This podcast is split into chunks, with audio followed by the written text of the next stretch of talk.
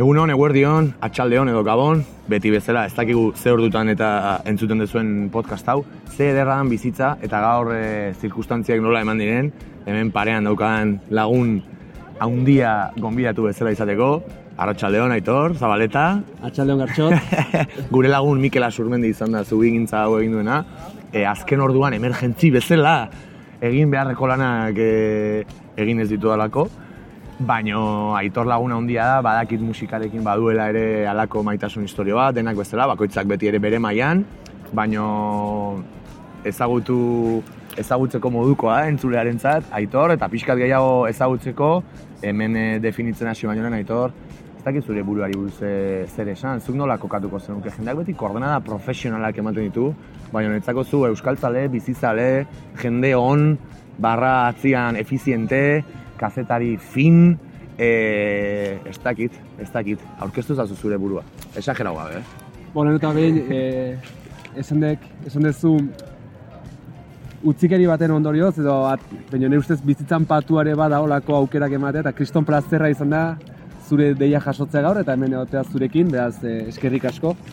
Ba, nire buruen nola definituko nuken, ba, zegamar bat bezala, zegaman sortu zen mutil bat bezala, bere amaizkuntza eta ondorioz mundu ikuskera euskara eta euskeratik egin duna, eta horrek asko determinatu duna bere biztan e, undorengo bidea, ez? Azkenean, Ruper Ordorik esaten Euskaldun izatea etzala erreza, nik uste dut handi baten arrazoiare bazula, baina aldi beren placer bate bada hizkuntza txiki eta komunitate honen parte izatea. Oso ondo, ba, erki definitu ez zure, ez dakit, koordenada munduan, handi batean, eta musikarekin adibidez, nik badakit pixka, baina ze harreman izan dezu, txikitatik e, gaur laukun kantu kutxunak aurkestera zatoz, podcastaren helburu hori da eta, baino pixkat orokorren ze harreman euk izan dezu musikarekin, nola sentitzen duzu musika zure baitan?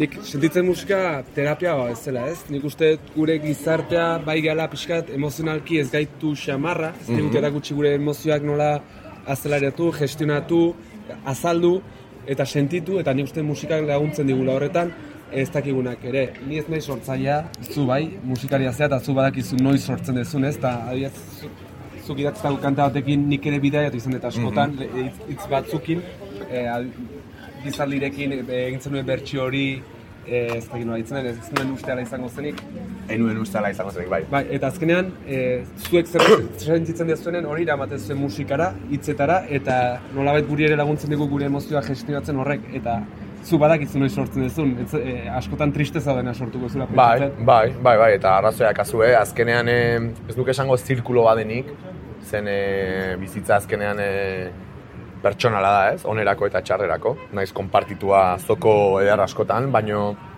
bai, ez duk esango zirkulo badenik, baino egia da, zerbait sortzean, e, zuk egiten duzun energia horretatik hasten den zerbait beste energia mota batetara edo goia batetara iristeak baduela indar bortitz bat eta naiz eta sortzaile txiki izan, bazuk aipatu duzun hori sentitu izan dut eta benetan da ez dakit bizitzaren e, ospakizun e, txiki bat esan baina haundiena izango da kaso, zakit. Hori zuk, eta bakizu zer den, eta horrek esan du jende horren gana iritsi dela, eta jende horrek beregan sentitu duela zuk edo momentu baten sortzaile batek sentitu zuen hori, eta hori da nire ustez e, musikaren terapia eta magia. Bai, bai, ados, amen, amen, amen. Batera, gaurko terapia hasiko dugu, bizkor, lehenengo kantu kutuna ekarri nahi izan diguzuna zein da?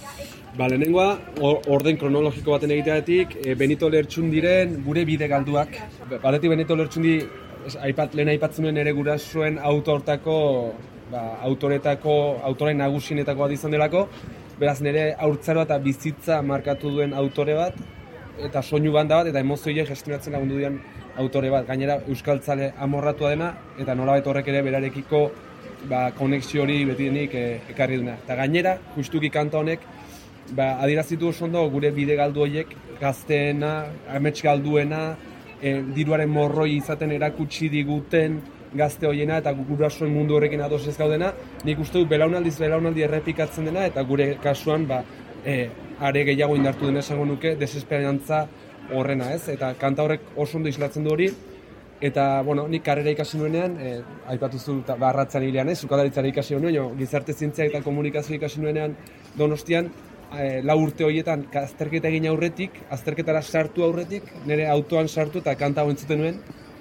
eta kanta hori entzun eta sartzen hitzen azterketara eta esango dizut ez dakit e, lorea botatzekoa ez da baina haien benito lertxundiri eskertzekoa bai la urte horietan azterketa bakarra suspenditu nuela beraz e, Lizentziatura zor diozu igual, ez? agian bai, beraz ikasleak entzuten ari diren ikasleak jarri benito lertxundiz laguntzen du Hemen daukazue, Aitor Zabaletaren lehen kantu kutxuna, Benito Lertxundi handiaren gure bide galduak. Ugazteok gaur gabiltzan mundu galdu honetan. Gerra bat barruan degulan zer egin jakin gabe. Gurasoen mundu alrebesan ez dugu onartzen Diruaren morroi izaten erakutsi digute. Gurasoen mundu alrebesan ez dugu onartzen. Diruaren morroi izaten erakutsi digute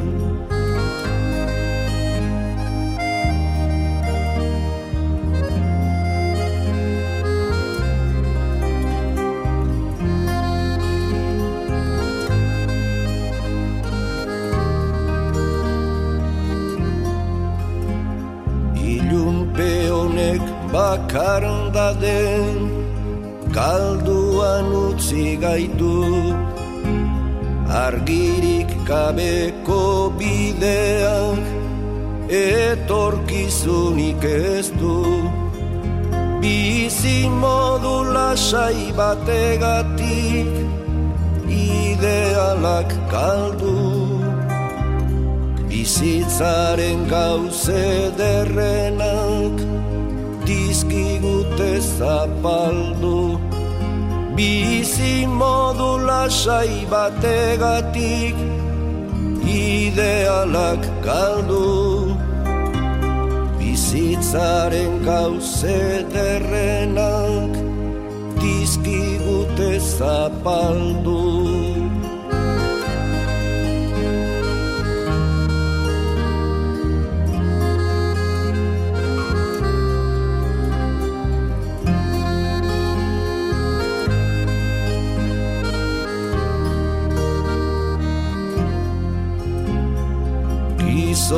kartzelan daude beren herriagatik Jainkoak beharko lagundu gukaztu bai ditugu.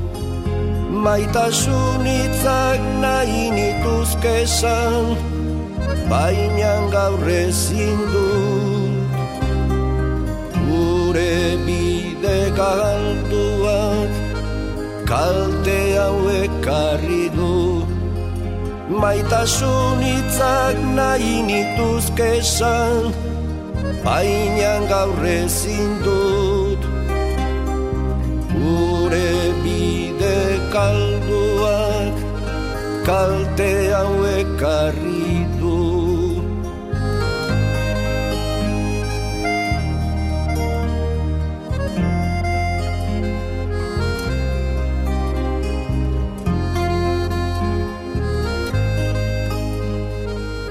du Zepena dan irratian gauza batzuk ezin diala ikusi, eh? bai, bueno, Komillak eta oioipurdiak. Hori da. Bai, bueno, norberak sentiditzala bere bere neurrian ere. Ah, hori da hemen, asuntua. Bigarren kantu kutxuna, Aitor, aurrera goaz, zein da bigarren kantu kutxuna? Ba, bigarren kanta kutxun hori, agian zurekin konektatzen hauen kanta bat ere badaina handi batean, ze eh, aipatu dudan bezala, kastaritza edo gizarte zientziak ikasi nuen, aurretik sukaldaritza eta barratzen urte asko egin ditut, eta nire ustez barrarik gehien eragin didan taberna agian izan da Donosti Galdezarrean eh, lan egin eta gero denbora batez gestionatu genuen Larra Taberna, ez? Horrez autu nuen jende asko, tartean zu, Bai, bai. Historikoa. historikoa.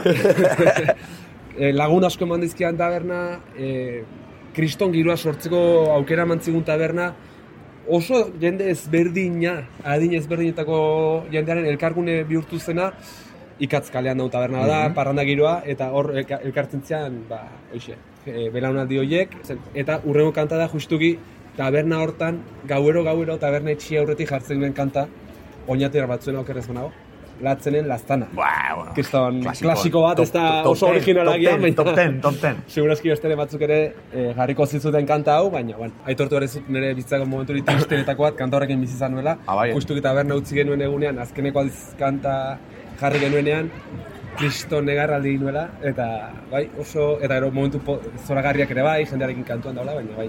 Arrazio duzu, dela kanta bat eh, unkitzen zaituena, postuz eta tristetuz nik. Eta orain nik ere, gai balin bada jendea unkitzeko zerbait bat duen kanta dela, Lehen esan dugu terapia hortarako gaitasuna duela edo jendeak sentitzen dituen emozio horiek adierazteko, azaltzeko edo gestionatzen laguntzeko gaitasuna duela. Guztiz. Totalmente ados. Ba, hemen txentzun dugu Aitor Zabaletan bigarren kantu kutxuna, latzen taldearen lastana, ezautze ezpaezu, nun eontzea. Bizitzen hasi.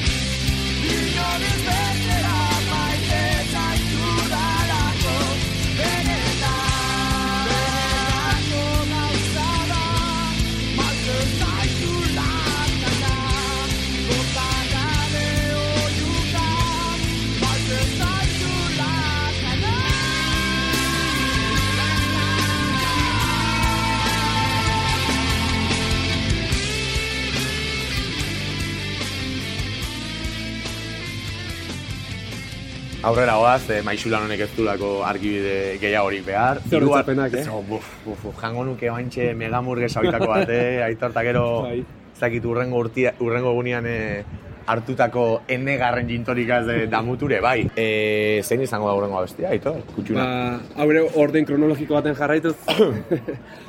Eta, bueno, hau ez da euskaraz izango, frantsesez izango da, zen, aipatu dugun larra utzi genuenean, Irlandara joan nintzen inglesa ikastera, zer orduan ez nuen e, piperrik hitz egiten, eh? Eta banuen frustrazio txiki hori, eta joan nintzen Irlandara inglesa ikastera, eta han ezautu nuen eskaz frantsesa, Lionekoa, Aha. eta haren atzetik maitasunak giratuta joan nintzen Frantzira, Lionera. Eta frantsesa ikasi nuen, eta arek neskark nire bikote izan zen e, Valentiek, eta oraindik ere asko maite dudan pertsona horrek, maite zuen oso kanta hau, eta deitzen da e, mafotatua lajuketan uren taldearena. Vale. Lajuketan u, e, tal, esan nahi du bere hartan, kalea gur, gurea den kalea, baina bueno, hitz joko bat egiten dute gaizki idatzia Aha. dela, gurea den kalea, eta kanta berak esan nahi du, e, nire errua zurea da. Vale. ba, nire, bai, holako zerbait. Eta maite dut biziki, ba, batetik berak e, oso goko zurako kanta hori, baina baita ere esanaia, ez? Nik uste dut gaur egun behar dugula eta bizi garela momentu batean non behar ditugun berriz ere kaleak hartu, e, desesperantza Maialen Lujanbiok, eh? Aipatu dugun Maialen Lujanbiok igandeko bertso finalean aipatzen zuen desesperantza horri gain hartu eta berriz ere bizi dugun prekaritatearen e, egoera honi gain hartu. Eta hortarako, ba, o, antolatu behar gara berriz, berriz gure elkarren artean ba, da- barruan ditugun frustrazioak aipatu, eta gizarte ez dela antolatu, azken finean deno pairatzen ditugulako geroz eta zoroagoa den sistema ekonomiko honen gaitzak, ez? Eta eta lotxagarri iruditzen zait etxe bitzarekin gertatzen ari dena Donostian, Euskal Herrian, baina baita ere munduan, e, nola botere ekonomiko batzuek ala erabakita horren funtsezkoa den be- behar bat ba, horren privatizatu eta garesti bihurtu den askorentzat iaia lepoan kate bat bihurtzeraino, berdin janarekin, berdin e, energia eta berogailuarekin, eta beste hainbat adibide. Artistak ezin dira artetik bizi eta behar ditugu, nekazariak ezin dira e, jana sortzitik bizi eta behar ditugu, baina aldiz espekulatzaileak poltsukoa beteta ederki bizi dira. Eta horri buelta eman behar digu, eta horrelako nik uste dut kaleak e, gure egin behar ditugula, lotxari gabe, eta naiz eta medioetatik, naiz nik aztaria naizen gaur egun, aipatzen dugun behin da berriz den kaleak hartzea, e, lotxori galdu eta eta kaleak hartu behar ditugula. E, itzi gabe, Aitor, bi bazu, e, bueno, aldarrikapen txiki hori ere hain ondo, ez dakit, e, eraikitzeagatik, e, ez diot e, inolako komarik jarri, ez kendu, ez ez aldatuko, eta izan daia zure hirugarren kantu kutxun hau, bazparezuk aurkeztu zazu, zen bestela ridikula ingo frantsesez, baina izan dadia orain aurkeztuko dezuna hirugarren kantu kutxun hau, bota dezun aldarri horren e, erakusle soniko. Bai, bon, ba, lajuketanu kan, e, taldearen mafotatua eta, bueno, izan bedi, kanta alaia da eta alaitasunez hartu itzagun berriz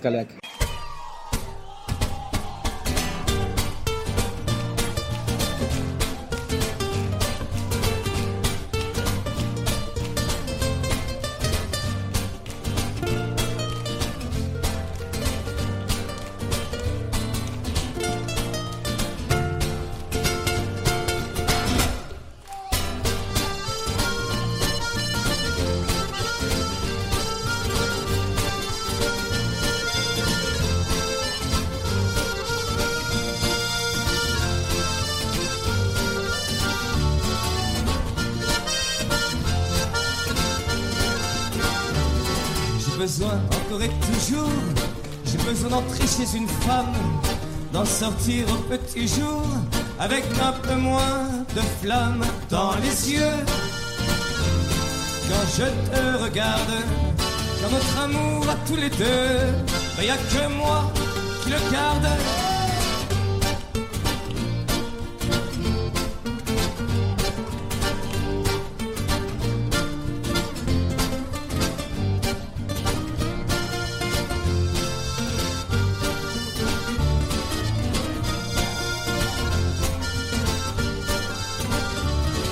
D'entrer chez une femme, chez une autre que toi.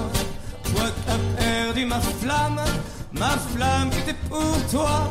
J'ai besoin de t'oublier, ne pas te reconnaître partout où je vais. J'ai besoin de renaître.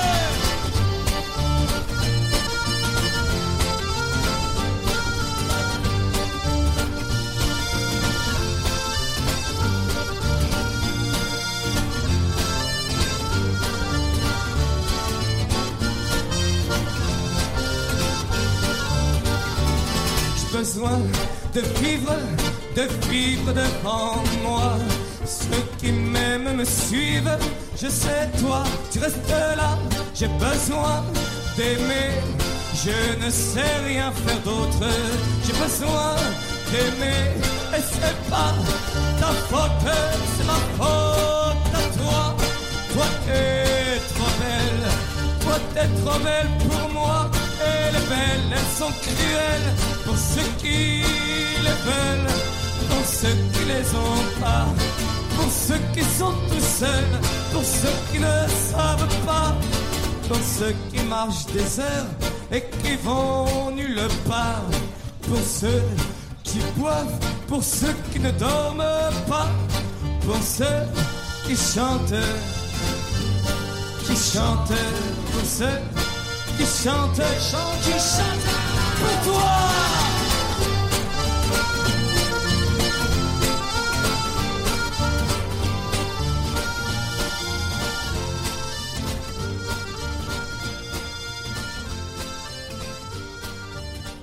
Entzun dugu Aitor Zabaletaren hirugarren e, kantu kutxuna eta esan bezala altxa ipurdia, kaleak hartu, edo bintzat norbere barruko kaleak hartu, zaindu eta aurrera.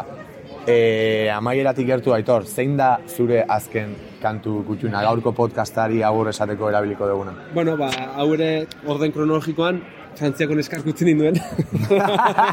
eta haren aipatzenen, e, zure kanta horrekin nola konektatu nuen, e, za- bizaldiren, bizaldirekin egin zuen, bai. usterekin, justuki berak utzi ninduen egun horretan, e, Donostiko aldezarreko kaira, e, Trindean festetan zen, iritsi eta kanta hori jo zenuten, eta boa, izan zen niretzat, ez da kanta ezagutzen duzuen, baina bestela jarri eta ulertuko ez zergatik, izan zen niretzat, bo, ba, barru erreka dana mogitu zizkian, ez, ametxe hartzaiusek esango luken bezala. Bizitza badu terapia horren beste zerikusia du urrengo kantak dela e, bidaiatzea, zen nik uste bidaiatzen ere asko ikasten degula, barratzean ikasten den bezala, hau, as, batez ere bakarri bidaiatzen bali badugu gure espiloaren aurrean jartzen gaituen terapia bada, eta, bueno, nik frantzetik etorri nintzen, eta gero bizitza hola da, Eusko Amerikar batekin elkartu nintzen, gaur egun berarekin nago, eta oso zoriontsu.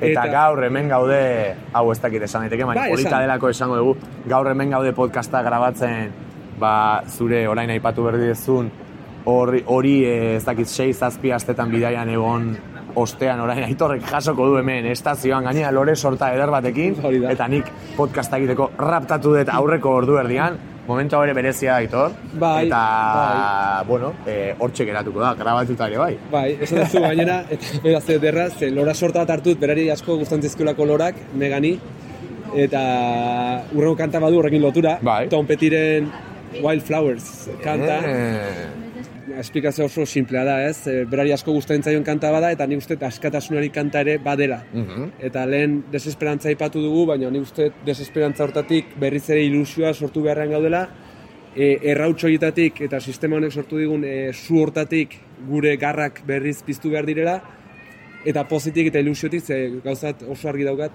e, gure barneko sufrimentu, tristura eta minak batez ere gu kaltetzen gaitu eta gu hiltzen gaitu eta hori da onartu ezin dugun zerbait.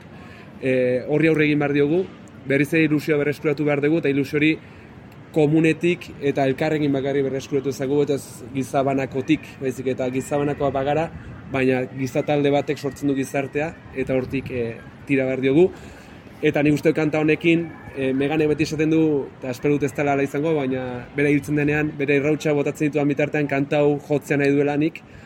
Espero dut bera baino lehenago joango naizela, zarragoa naizelako ez asko, baina espero lehenago joango naizela, baina bueno, nik uste dut bizitzari kantuare badela kanta hau, askotasunari, eta uste dut hori da- dela daukagun gauzandik handiena, ez? Maitasuna eta bizitza. Bo, izan daitezela aitorren eh, azken eh, hitz hauek eta Tom Pettyren Wildflowers abestia eh, ez dakit, norbait bizirik sentitzen ez bada bizirik sentitzeko prozesu horretan motibatzaile. Biba zu aitor, bihotza handia dakak ikasingo itoain. Bai, segur arte Eh, egiten dira normalki, hala, eh. eta arraro egiten dek... eh, Plazerra izan uan garai eharroitan i ezagutzia eta nola landu diun gure laguntasuna. Nik uste musika lotura izan dekela gure artean, baina uste bizitzan aurrean diagun pertsepzioa eta bihotza dekela gure arteko zubia handina. Bai, Aksidente eharra izan dek gaurko atxaldia, baina indiu. Bira, oain, emozional jartzen Bai. nahi duanian maleta hotxare sartu dek, porque bizitza olakoa dek, bueno, horrek agien esan egin vegana iristen nahi dela. Oirek, eta segizak meganen bila, eta guk entzule maiteok Tom Pettyren Wildflowersekin utziko zaituztegu, plazerra, eta urrengo astean ikusiko edo entzungo dugu elkar, hobesan da. Bi bai, Aitor, eskerrik asko tertzatik. Mi eskeririk hartxot, gonbidapenagatik, kristo ilusintziak. Zaindu bai, Zaindu bai, Biba Eta segi Petty. sortzen, segi sortzen. Oidek.